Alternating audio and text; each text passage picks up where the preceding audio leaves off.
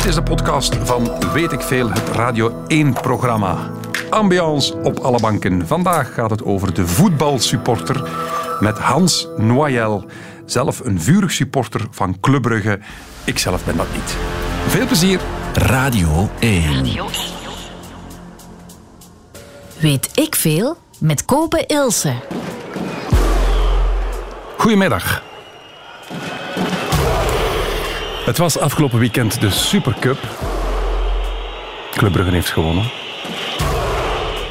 Maar het evenement van het weekend was toch vooral dat er weer supporters in dat voetbalstadion zaten. Dit zijn bijvoorbeeld hoe de IJslanders hun ploeg aanmoedigen. Hoe doen ze dat in Brugge, Hans Noël? Ja, dat is meer een eh, Engelse supportersbeleving. Het is meer een uh, common sfeer. Het uh, steunen van je ploeg door dik en dun. Meestal ehm, ondersteund door supportersgezang. Jan Breidel is een oninneembare vesting, zeggen ze wel. Is het door de supporters, klopt dat? Ja, die twaalfde man is toch wel een, eh, een, een heel sterk wapen eh, voor Club Brugge.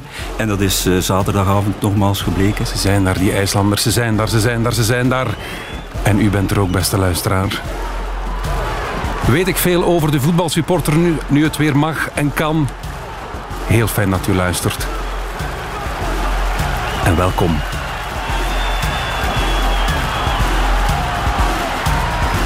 Bij Weet ik veel. Weet ik veel over voetbal? Ik ben blij supporter te zijn, geloof ik. Absoluut, absoluut. Heeft Ja, u maar plezier altijd een gezond interesse. We zijn hier in open lucht en, eh, oh, en, we- en we lachen eens en, we, en men heeft plezier dat we, dat we winnen. Hè? En dat is het lang leven. Hè? De voetbalsupporter. Niet, we gaan niet over inverted winbacks beginnen en zo. Dat hebben we allemaal geleerd tijdens het EK. Maar het gaat, omdat het terug mag, vandaag over de passionele voetbalsupporter. Want was, het was met dat een leeg en kil gedoe het afgelopen jaar. Bij mij in de studio Hans Noyel. Aan zijn mondmasker te zien is het een Club Brugge supporter. Dat hebben we heel goed gezien. Blauw en zwart. ja. Zijn daar medicijnen voor? Ik denk het niet. Het is een eh, microbe, eh, het is een passie en het, eh, het pakt je en het is voor de rest van je dagen. Is dat zo? Ik denk het wel. Ik ben in mijn leven al eh verschillende keren veranderd van werk. Ik ben al vaak verhuisd. Ik Van heb, vrouwen? al- eh, ik heb al inderdaad een paar relaties achter de rug. Ik, maar ik denk dat ik tot in mijn kist Club Brugge van ben en blijf. Dus dat is eigenlijk wat je zegt, buiten nog wat andere zaken, maar dat is een constante in je leven. Dit is een rode draad, in mijn geval een blauwe draad in mijn leven. En het eh, kleurt mijn dag. Het bepaalt ook mijn gemoedstoestand op maandag als we gewonnen hebben. Ik spreek in de wijvorm omdat ik mij wel degelijk associeer met, eh, met Club Brugge. En het kan ook op maandag, wanneer eh, er een verliesmatch in het weekend achter de rug is, kan het wel wegen op de schouders. Dus het bepaalt toch de kwaliteit van je leven. Het bepaalt de kwaliteit van je leven. In mijn geval wel. Ik ga nu de laatste jaren eh, blijer, optimistischer ehm, door het leven, omwille van het feit dat het met mijn eh Club Brugge ja, zo goed gaat. En dit kleurt letterlijk mijn leven op een positieve manier. Omdat ze vorig jaar kampioen zijn geworden, omdat ze die Supercup hebben gewonnen, omdat het een gezonde club is. Dus je, je voelt je goed als supporter.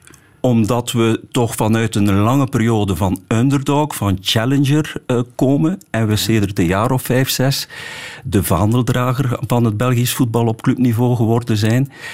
En eh, op en naast het veld zijn we denk ik een referentie voor de meeste clubs in België. Dus, en dit, eh, daar ben ik best trots op. Je zegt op en naast het veld. Ik moet toegeven, ik ben een Antwerp supporter. Laten we dat van in het begin hè, open en bloot vertellen. De sfeer op Club Brugge is, en dat zeg ik als supporter van een andere ploeg, maar de sfeer is fenomenaal. Aan wat ligt dat? Ehm, dit klopt, dus dat hebben we ook zaterdagavond voor het eerst sedert lang mochten we met, ik schat 7, 8000 er terug in. Je voelde aan iedereen, het was weer thuiskomen. Het was echt eh, de passie droop van de tribunes. Eh, iedereen wou zijn beste beentje na al die weken afwezigheid eh, voorzetten. En je merkt dan ook dat zowel wij hebben het stadion gemist, maar omgekeerd ook de, de spelers en de omkadering hebben ons gemist. Het blijft een interactie tussen tribunes en wat er op het veld gebeurt. Hans, ons moeder, luistert ook altijd naar weet ik veel. En die gaat nu zeggen, hoot verdikken zeg, een uur lang over voetbal. Maar neem ze eens mee. Vertel eens aan iemand die niks met voetbal heeft wat het is om naar een stadion te gaan, tussen al die mensen te gaan staan en daar dan van te genieten. Wat, wat is het? Ja, het begint bij het wakker worden. Het is matchdag. eh, je neemt de kranten door, de media. Eh, je gaat eh, de interviews gaan lezen, wat er vooraf wordt verteld. Dan maak je je klaar. Meestal is dit een beetje een routine waar je slaafs aan vasthoudt. Er zit een, een stukje bijgeloof in. Zoals... Ja, dus kledij bijvoorbeeld. Je doet je favoriete jeansbroek aan. Of je, je, je, je, je truitje waar je de vorige keer eh, succes mee gehad hebt. Eh, dus Is het echt zo? Ja. ik rij altijd langs diezelfde weg eh, naar mijn parkeerplaats in Brugge. Ik ga altijd dezelfde etablissementen af om een pre-match drankje te doen. Het pre-matchdrankje, dat is Ja. bier. In mijn geval is dit inderdaad Ja. bier. En ik stel vast dat in 90, 95 procent van de eh, gevallen dit effectief ook het favoriete drankje is van een voetbalsupporter. Dus een gin tonic met, met botanicals en eh, de juiste tonic erbij, dat hoort er niet. Dit hoeft niet Nee, eh, op dit moment voor de wedstrijd. En dan heb je heel die build-up naar eh, de start van eh, de wedstrijd toe. Dan ga je... Ja, voetbal is ook een enorm sociaal gegeven. Je, je maakt er vrienden voor het leven. Ehm, dan stap je samen met die vrienden richting het stadion. En dan als je die trappen oploopt en je ziet eerst die vier magische lichtmasten, dan kom je in dat stadion, zeker bij een avondwedstrijd klim je op die trappen en dan zie je dat groene tapijt. Daar waar die gladiatoren, je helden, eh, dan eh, het beste van zichzelf eh, zullen geven. En dan heb je de muziek voor de wedstrijd die je in de sfeer brengt. Dan wordt nog eens eh You'll Never Walk Alone gezamenlijk om de clubliefde te beleiden afgespeeld. En daar zijn ze dan, na het, de countdown, zijn ze daar dan. En, en dan geef je, eh, zowel wij als zij, 90 minuten en langer als het moet, het beste van jezelf. Want wij geloven erin dat als wij goed presteren, als wij hen goed supporten, dat dat ook afstraalt op de ploeg, dat dat een eh, wisselwerking is. En eh, dan ga je ook in feite afgepeigerd naar huis. Ik, eh, ik lees dat eh, de meeste spelers die nog vol zitten van de adrenaline, het moeilijk in slaap geraken na de wedstrijd. Dit is net zo met de passionele voetbalsupporter.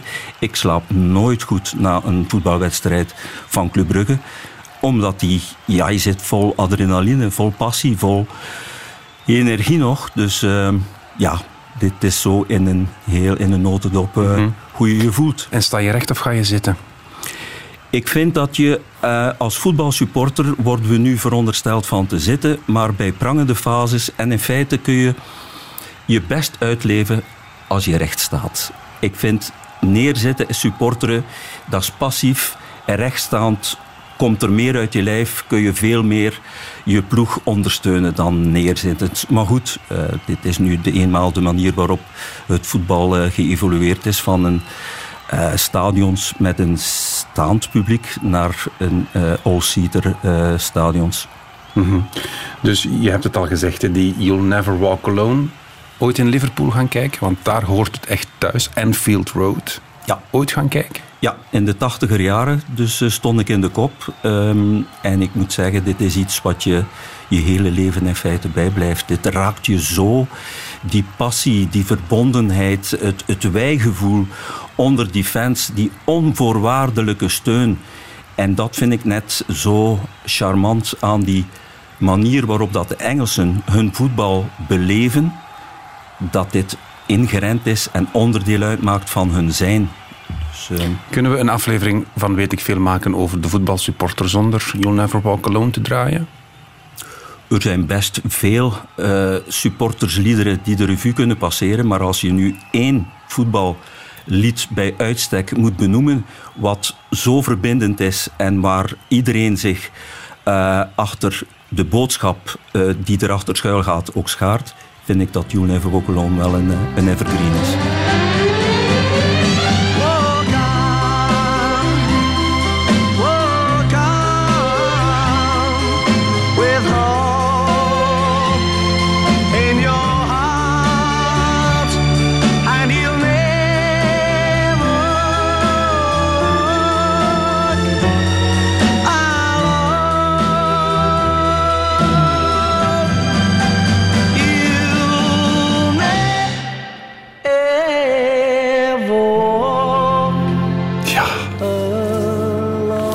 Hans Noël bij ons vandaag in de studio. Want het gaat en weet ik veel over de voetbalsupporter, de beleving, omdat het weer mag. En je hoorde net de studioversie van dat nummer. Dit is hoe het dan live klinkt.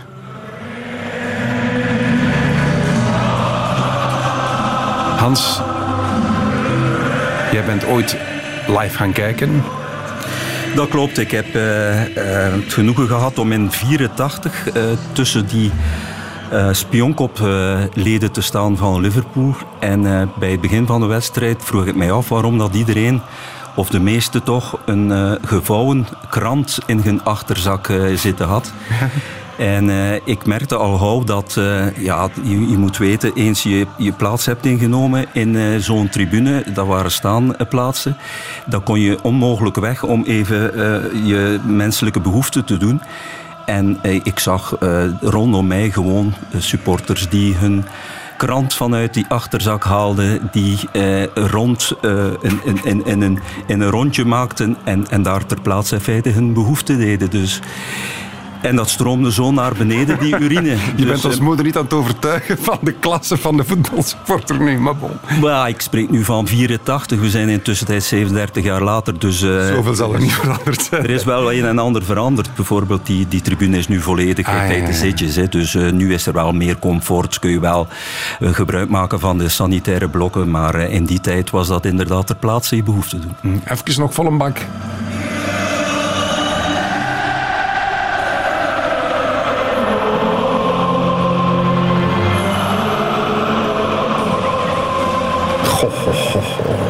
Toch zijn. Ik kan het voetbal niet missen. Ik kan het voetbal niet missen. Ik heb rechtsziekte en de dokter zei dat ik niet mag komen. En toch kan ik het niet laten. Je zou niet mogen komen, maar ik kom toch. Ik kom toch? Ja. En ik denk, hé, als ik moet sterven, ik ga zo wel op Club Brugge sterven uit mijn bed. Ja, ja. Wat moet een echte supporter hebben, meneer? Want u moet dat... Eh, je moet overal van vreugde zijn als ze winnen. En een klein beetje verdriet als ze verliezen. Een Club Brugge supporter in 1969, interviewd door Jan van Rompuy in Echo. Je moet blij zijn als ze winnen en een beetje verdrietig als ze verliezen. Vat dat het allemaal samen? Ja, je leeft gewoon uh, mee met het uh, wel en wee van uh, je voetbalclub. In goede en minder goede dagen. Je kent successen, je kent tegenslagen. En ja, het, het, maakt je sterk, maar eh, de goede kwaliteit van een goede voetbalfan is dat hij ongeacht de successen in feite trouw blijft aan zijn kleuren. Mhm. En uh, wat die meneer in 69 vertelde, geldt in feite vandaag uh, nog altijd. Ja. Mm -hmm. Je hoort Hans Noël aan het woord, 30 jaar al volbloed supporter voor Club Brugge. En het gaat in weet ik veel over de voetbalsupporter. Even wat eh, compenseren met al dat voetballawaai. Want er zijn blijkbaar in voetbalsupportermiddens gradaties. Ik herinner mij de successupporter, die term. Dat wil zeggen, Hans? Ja, die fans die enkel uit hun zetel komen als de club uh, goed presteert. En daar wordt een beetje op neergekeken. Door de volbloed uh, voetbalfans wordt er in, inderdaad op neergekeken. Nu goed, uh, iedereen die passie heeft voor Club Brugge uh, heeft me zegen. Dus ook die voetbal of die... het is hier niet Club Brugge voor beginners, hè, weet ik veel. Het is de voetbal. We spreken voor alle clubs. Is het goed? Oké, okay, ik, ik zal me herpakken. Oké, okay. dan heb je de casuals. Wat zijn dat? Casuals zijn supporters die zonder supportersattributen eh, de wedstrijd beleven. Dus uh, die geen uiterlijke sjaal, uh, geen krant meer. nou ja, ook misschien niet. Maar die in casual wear, in vrije tijdskledij, naar de wedstrijd gaan. Ah ja, en, maar dat wil niks zeggen over de gradatie van het supporterschap. Of wel? Maar Je, kan in feite, je mag in feite een voetbalsupporter eh, niet in hokjes gaan plaatsen, maar je kunt wel stellen dat de casual fan eh, geen kleur bekent. Is dat... Ja, dat is toch een beetje vloeken tegen het, het, het hart van de volbloed supporter. Want wa- waarom zou je dat niet doen? Op verplaatsing misschien, om Ja. gezever te vermijden? Ik, mijn eerste Europese verplaatsing die ik met Club Brugge meedeed was in 1984 Nottingham Forest. En dan was het zeg maar eh, de manier van voetbal supporterkledij was de bomberjacket en de eh, blauw-zwart gestreepte sjaal. Toen wij daar in het centrum van Nottingham eh, verschenen met onze kleuren aan, dan moesten wij op de loop gaan van die hooligans die, die in, in Nottingham op die, in die tijd Ja, ja, ja. in feite op zoek gingen naar eh, eh, uitsupporters. En sedert die wedstrijd heb ik nooit nog een sjaal eh, om, eh, om mij gehad. Op verplaatsing. Op verplaatsing zal ik nooit kleur bekennen en ook thuis uit. Thuis ook niet? Nee, dus nee. Ah, oké. nee. Dan heb je de Het zit in mijn hart. Dan heb je de VIP, spreekt Mhm. voor zich, maar belangrijker en belangrijker in het voetbalstadion, dacht ik. Hè? Je, dat is een trend inderdaad binnen het eh, moderne voetbal om eh, de hospitality klanten, zoals Dat- zo heet mooi, dat, ja, de eh, hospitality. De hospitality. Om die in feite ook een, een, een mooi comfort te bieden met een maaltijd voor de wedstrijd en, en dan ook na de wedstrijd een deuntje en een drankje en, en een hapje en eventueel een, een speler die nog even een handje komt schudden. Dit is inderdaad die hospitality-formules die zijn belangrijker en belangrijker aan het worden. Ik herinner mij ooit, ik was naar de Rode Duivels gaan kijken toen het nog mode was om de Mexican Wave te doen in het Koning Boudewijn Stadion. En we zaten op de eretribune tussen aanhalingstekens, dus daar waar de VIP's en de pers en zo zitten. En die Mexican Wave ging fantastisch voor drie vierde van het stadion. En dan stopt dat bij die VIP's en die perstribune. Om dan weer verder te gaan waar de echte supporters beginnen. Mij stoort dat een beetje. Nee? Mij ook, en ik heb dat aan de lijve meegemaakt eh, toen ik uitgenodigd was op Oostende Club Brugge als VIP. En na de wedstrijd, Club Brugge had ja, logischerwijze gewonnen. Oh, sorry. Ehm, was er een derde helft. En die VIP's die hebben daar een feestje gebouwd eh, met, met champagne en optredens erbij. Mocht je dan binnengekomen zijn in die VIP-ruimte en je had gevraagd eh, wat was de uitslag van KV Oostende Club Brugge, dan had je gegarandeerd gezegd ja, Oostende heeft grandioos eh, club verslagen. Dus ongeacht het resultaat kunnen die VIP-fans wel nog nagenieten van een wedstrijd daar waar ik in zak en as zit als mijn club verloren heeft. Begrijp ik. En dan heb je nog de ultras. Ultras. Ultras, dat is in feite een, een opkomend fenomeen binnen eh, het supportersgebeuren. Eh, die eh, jongens zijn veelal jonge gasten.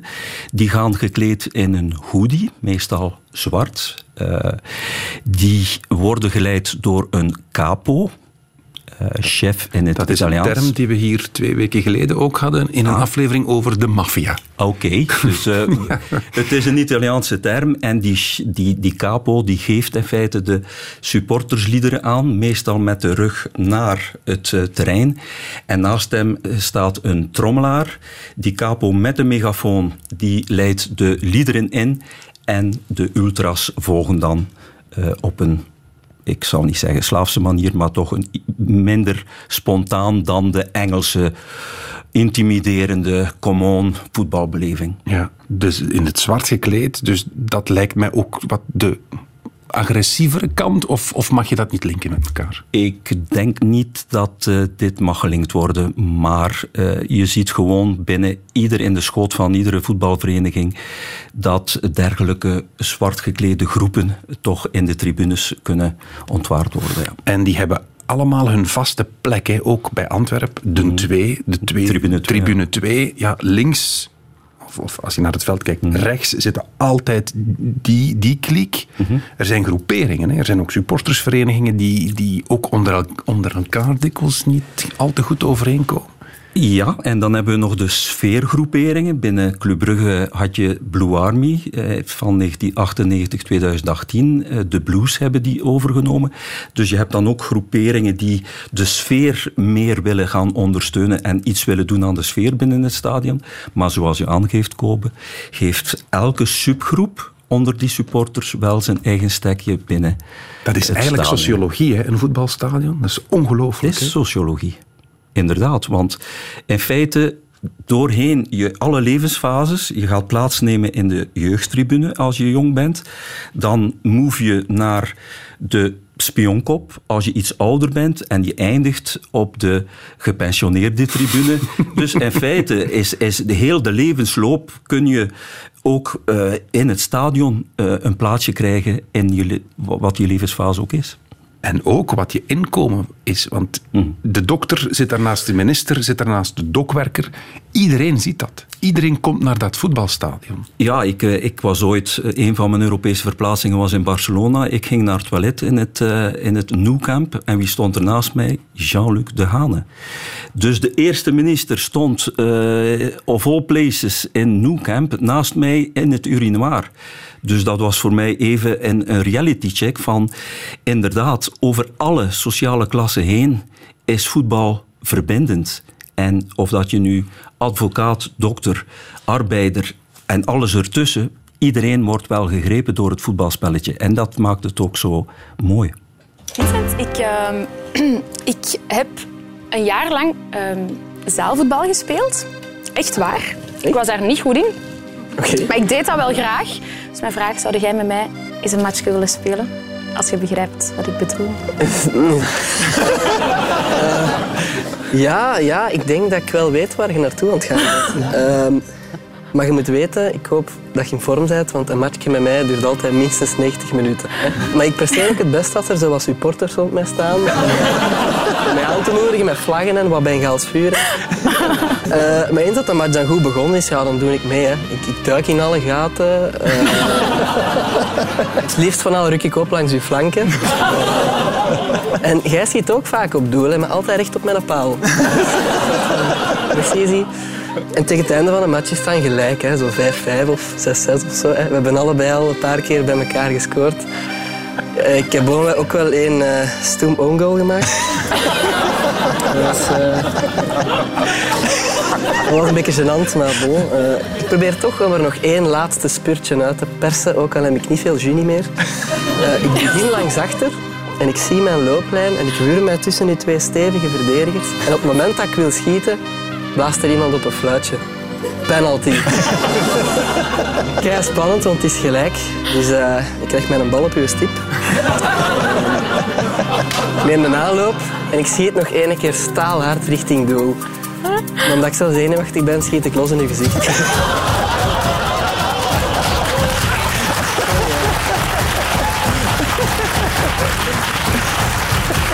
het blijft dan toch gelijk. We zijn allebei content en dan kunnen we gaan douchen. Weet ik veel.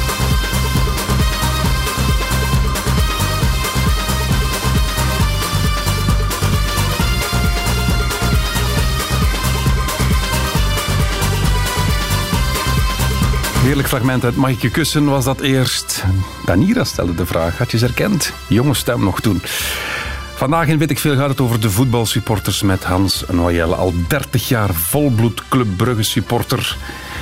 Waarom en wat doen ze toch allemaal, die voetbalsupporters? Ik snap ook echt mensen die naar voetbal ik snap het niet hè. Ik snap het niet. Op de laatste dag voor deze tour begon, uh, was Ajax op tv. En uh, uh, ik was thuis, want ik was eh, thuis voor de tour begon natuurlijk. En dus ik dacht, ik vind me zo het vervelend, ik ga eens een keer voetbal kijken. het was 1-0 voor Ajax, toen hadden ze nog heel veel hoop. Het was een hele mooie wedstrijd, blijkbaar 1-0. Het, is toch ook al twee keer drie kwartier van mijn leven hè, voor 1-0. Ik vind dat nogal een investering die je van me vraagt. Is weinig rendement, toch?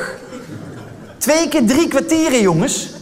Voor één goal. Weet ik veel. Kun je even voorstellen dat theater zo zou werken? Dat ik twee keer drie kwartier tegen jullie ga praten... met één grap... en vier kansen op een grap... En dat jij er nog iets leuks zegt, dan had gelijk spel moeten we verlengen. Bas Birker, niet echt een voetbalsupporter. In tegenstelling tot Hans, vanmiddag bij mij hier. Hans, daarnet ging het over onderverdelingen binnen supporters. We hebben het over de ultras gehad, maar ook over de casuals. En Lennart Segers, waarvoor dank Lennart, laat ons weten, die casuals komt eigenlijk van hooligans die in der tijd gewoon polootjes droegen, afgeborsteld waren, maar wel altijd klaar om te vechten. Ja, dus die casual wear waren in feite designermerken uh, die die droegen. Dat dateert van de 80er, 90er jaren. Dus de mm -hmm. eerste generatie hooligans waren inderdaad uh, die die kleur bekennen. En daarna uh, werden, gingen ze meer anoniem naar het voetbal. maar ik stel vast dat een pak supporters nu zonder kleuren naar het voetbal gaan met uh, merkkledij, uh, Fred Perry, Lyle Scott, uh, Stone Island. die daar ook een statement mee maken. maar om dat nu te linken met voetbalgeweld, dit vind ik anno 2021 een brug te ver. -hmm. Maar, en ehm, ja, als je over voetbalsupporters praat en je zei zelf, het wordt altijd een beetje ongemakkelijk op een bepaald moment. Je zei zelf, hebben, dit wordt voorbereid, dit gesprek, dus een redacteur heeft u gebeld en je zei, jij zei zelf, maar we gaan toch weer niet over hooliganisme babbelen. Ik begrijp jou. Maar ik kan in een aflevering over voetbalsupporters dat ook niet uit de weg gaan. Dus we gaan geen vragen stellen waarom. En, hè. Maar als je dan ook kijkt naar de reactie van die Engelsen op die drie jonge gasten die die penalty missen. De voetbalsupporter heeft toch wel een PR-probleem ook, hè? Dat klopt, eh, maar ik vind dat rond voetbal veel te veel in de media aandacht wordt gegeven aan die minder leuke aspecten. Er is zoveel positiviteit, meer, zoveel verbindende kracht rond voetbal. En er zijn inderdaad wel wat minkanten, maar dat is ook zeg maar een afspiegeling van de maatschappij. Dus uh, voetbal trekt, zoals we daarnet hebben aangegeven, alle klassen van de maatschappij aan. Dus daar komen ook mensen naartoe met minder goede bedoelingen. En uh, wat je aangeeft rond die racistische uitlatingen van die Engelse fans. Voor mij heeft dit niks met hooliganisme te maken. Dit is uh, puur in feite een, uh, een teken van de maatschappij en onverdraagzaamheid en eerder dan voetbalhooliganisme. Mm -hmm. Ja, maar ik heb nog nooit een nieuwsbericht gehoord na de hockeywedstrijd, de Red Dragons of Dragon, of hoe heet die, mm. die, die hockeyploeg, dat er rellen zouden uitgebroken zijn en dat de kleurling op het veld zich, uh, zich racistisch bejegend voelt. Dat heb ik nog nooit gehoord. Dat zit toch wel wat vast in dat voetbal. Dit klopt wel, dit moet ik inderdaad beamen. Dus uh, voetbal is ook de volkssport nummer één. Uh, komt ook vanuit het arbeidersmilieu. Het is een uitlaatklep. Je zal aangeven hockey misschien ook, maar hockey de, wordt gerecruiteerd in, in, in, de hoogste echelons van onze sociale klasse. Mm -hmm. Dit uh, voetbal is per definitie een, een, een arbeiderssport met de minder aangename kanten die daarbij komen kijken. Maar ik, uh, ik blijf, voetbal is een uitlaatklep en uh, ik vind dat uh, dit moet kunnen. Dit maakt deel uit van het rauwe, passionele gebeuren dat de voetbalsport is. En we mogen dat politiek correct gedoe niet gaan overdrijven, vind ik. Goed, in het voetbalstadion zijn we weer en dan zien we ook, ook weer een nieuwe term ons moeder gaat veel bijleren vandaag, de tifo. Mm. Wat is de tifo? Een tifo is in feite een uh, sfeerbeleving waarbij dat het stadion uh, voorzien wordt met A4 vellen uh, per zitje en een motief wordt of een boodschap wordt gevormd in die tribune als die duizenden mensen dat TIFO-blad omhoog houden, vormt dat een mooi, uh, mooie boodschap. Je kunt daar een textuele boodschap geven, bijvoorbeeld uh, Come on Bridges. Uh, je kunt er ook een mooie visuele boodschap in verwerken. Bijvoorbeeld uh, naar aanleiding van een, een, het eren van een clubicoon kun je daar een, een, mooie afbeelding omgeven door mooie kleuren. En het is iets waar de sfeergroep met man aan man aanwerkt. Want uh, als je al die duizenden tifobladen moet vastplakken aan die zitjes, um, voor de spelers dan effectief um, aan de wedstrijd beginnen, wordt dan op commando worden al die bladen omhoog gehouden en dat geeft zo'n gevoel van wij zijn er hier klaar voor, dat creëert een eenheid met die spelers en die weten van ja, die, fans die gaan er vol voor. Wij gaan ook het beste van onszelf geven. Dus een tifo-actie is in feite een ondersteunende actie net voor kick-off om de uh, spelers nogmaals een extra hart onder de riem te steken. Klopt het dat je daar dan dagen mee bezig bent? Ja, want elk city krijgt één A4'tje. Iedereen moet dat op het juiste moment in de lucht steken. Ja, dat moet daar allemaal wel gelegd worden. Precies. Dat lijkt mij een hondenstil. Dit is een monnikenwerk. Uh, dit is iets wat je dagen op voorhand uh, op basis van de tekeningen, de intekeningen, dus de uh, zitjes in het stadion, moet je per setje een kleur gaan bepalen die dan een motief vormt. Dus daar kun je best... 28.000 blaadjes heb jij ooit gelegd. Ja, niet alleen. dus, uh, met een heel team. 28.000 ja. A4'tjes mm voor een moment van 30 seconden? Ah, ja, zoiets, ja. En ja, eens, dat was tegen Ajax, hè? Ajax uh, in de Champions League editie begin van de jaren 2000 uh, was heel het stadion voorzien van zo'n gekleurd uh, A4-blad. Um, met um, daar You'll Never Walk Alone in als tekst in verwerkt. En uh, ja, dit uh, creëert uh, zoveel animo en het wijgevoel wordt dan... En iedereen voelt zich dan betrokken bij wat er zich die volgende 90 minuten zal afspelen. En het is ook visueel heel, heel mooi. Hoe voelt dat dat je dat dan ziet gebeuren? Ja, dat is een vorm van collectief orgasme. Is het Ja, toch wel. Ja. Dat is iets, net zoals een doelpunt in feite. Dit is een emotie, een, een, een, een toppunt, een, een, een extase. En als je effectief al die dagen uh, daaraan hebt gewerkt met een heel team... En je ziet dan dat al die stukjes mooi aan elkaar passen en uh, dit ook heel visueel mooi in beeld komt.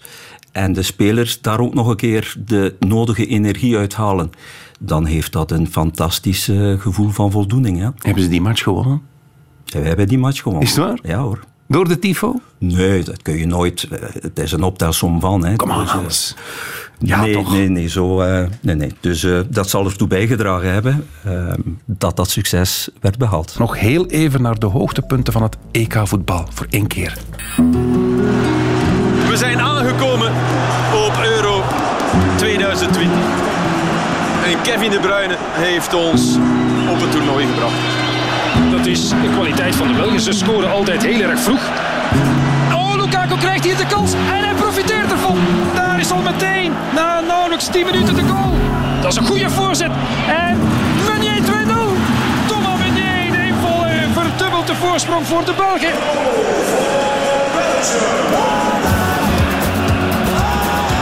28 minuten ver in de tweede helft nog altijd. De Bruyne. Vermalen. De bal. En ja, erover. Hij is erover. Hij is erover. Het is de goal. Chatley, De Bruyne. Buitenkantje voet. Lukaku nu dan. Romelu Lukaku. De kracht erin, de plaatsing. 2-0 voor België. Lukaku heeft zijn doelpunt.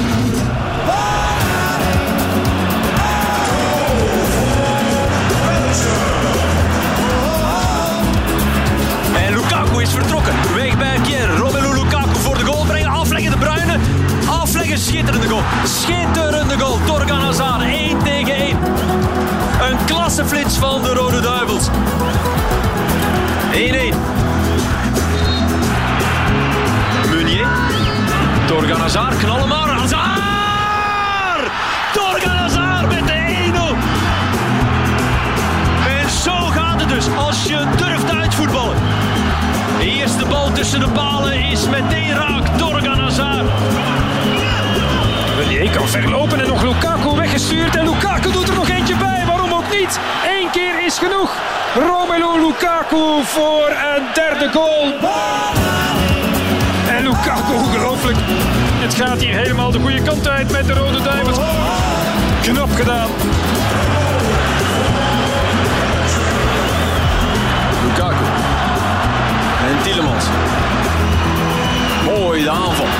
Bruyne met links en de goal. Kevin de Bruyne. Fantastische aanval opnieuw.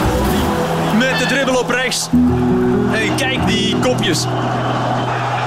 Handen wijd. Hij is terug. En wij mogen dromen. Radio 1. Ja, het werd nou wel een beetje een nachtmerrie nadien. Maar toe deugd om nog eens terug te horen, want waarom laten we dat horen? Omdat het vandaag in weet ik veel over de voetbalsupporter gaat. Hans Noël is bij ons al 30 jaar fan van Club Brugge. En wat blijkt, als je fan bent van een club of volbloed fan bent van een voetbalclub, is het moeilijk om voor de Rode Duivels ook diezelfde passie te voelen. Want er zijn spelers van ploegen waar je geen fan van bent, die dan ineens bij die Rode Duivels. En dat gaat niet. Ja, er zijn best wel wat uh, clubsupporters die ook een warm hart, uh, de Rode Duivels een warm hart toedragen. Maar ik kom uit een generatie uh, toen de Rode Duivels ja, bestonden, zeg maar, uit het gros van de Rode Duivels speelde voor de grote rivaal uit Brussel. En wij konden ons moeilijk identificeren als we een heel jaar ons afzetten tegenover die spelers in clubtenu. Het is niet omdat ze plots een truitje van de Rode Duivels aan, aantrekken dat, uh, dat, dat, dat die plots... dat- Daar heb ik persoonlijk wel moeite mee. Dat overstijgt dat toch? Ja. Nee? Dus- ja, je moet weten dat toen er tijd de Brugse spelers die deel uitmaakten van de Rode Duivels, Frankie van der Elst, Gert die werden uitgefloten door die Rode Duivelsfans. Nu hebben we met Hans van Aken, die kan ook niks goed doen voor het Rode Duivels publiek. En eh, we, zitten met een goudhaantje, eh, Charles de Ketelaar, die is de next one, die zal worden afgebroken door het Rode Duivels publiek. Ja, wij, mijn generatie clubfans heeft het gewoon moeilijk, ja. Het zou niet mogen, want op dat moment zijn we toch gewoon allemaal Belgen en we willen gewoon toch eindelijk eens een prijs pakken. Ik volg je daar wel in, maar ja, het bloed kruipt waar het niet gaan kan Dat is, waar, komen. dat is waar, dat is waar. We krijgen nog eh, wel wat opmerkingen en vragen binnen van eh, luisteraars, waarvoor dank. En één vraag is spionkop. Mhm. De spionkop. Eerst en vooral, wat is dat precies? Ja, dus eh, dit is in het voetbalmilieu een term eh, die aangeeft dat de meest fanatieke eh, fans zich verzamelen op één bepaald punt. Maar Achter de goal. Achter de goal is dat meestal. In Liverpool bijvoorbeeld heeft zijn, zijn hoogste tribune was achter de goal. En het is de term die komt overgezwaaid vanuit Zuid-Afrika. Toen mensen op een hoger gelegen plaats gingen staan, op een bergje, om spionnen sneller te kunnen detecteren. Dus vandaar, een spionkop was een hoger gelegen plaats in het stadion, van waaruit in feite dan vandaar spionkop. Ah. Ja. Maar hoe dit vanuit Zuid-Afrika dan in de Britse voetbalcultuur eh, is binnengewaaid en geassocieerd werd met de, de eerste kop in Liverpool, daar heb Hoe, ik het hoe wordt dat in het Engels genoemd, de spionkop? Spionkop? Is dat... I believe. Heb ik goed geluisterd? Ik veel. Het afgelopen uur naar Hans Moyel, voetbalsupporter in hart en nieren, en heeft ons een inleiding gegeven in die heerlijke wereld. Hans, vraag 1. Welk attribuut namen Liverpool-fans mee in de jaren 80 in de spionkop? Heerlijk verhaal. Een, eh, een krant, en dan rolden ze die op om zo te plassen, want ze wouden, niet hun, ze wouden hun plek niet verliezen. Klopt dat? Precies. Yes. Hoe heet de voetbalsupporter die openlijk geen kleur bekent? Dat is een casual... Je hebt het op je t-shirt staan. Een casual, want die wil geen ambras hebben. Hè? Allee, of wil niet herkend worden op dat moment of op een uitspatje. Ja, twee op twee. Wat is een capo? Hij is een leider van de ultras. En de ultras zijn de mannen in het zwart en de capo is de, de dirigent een beetje van die groepering. Precies. Nog eentje? Welk kledingstuk dragen de ultras? Zwart, ik heb het gezegd. Goh, amai, het, was, het was niet zo'n moeilijk examen. hè. Hans, je hebt mij gespaard Nog een laatste als uitsmijter. Wie stond naast mij te plassen in het voetbalstadion van Barcelona? Jean-Luc De Hane. Hans, merci. Alsjeblieft. En op naar live voetbal. Radio 1. Weet ik veel? Dit is het einde van deze podcast van Weet ik Veel. Weet ik Veel is trouwens een programma van Radio 1. Op radio1.be vindt u nog veel meer.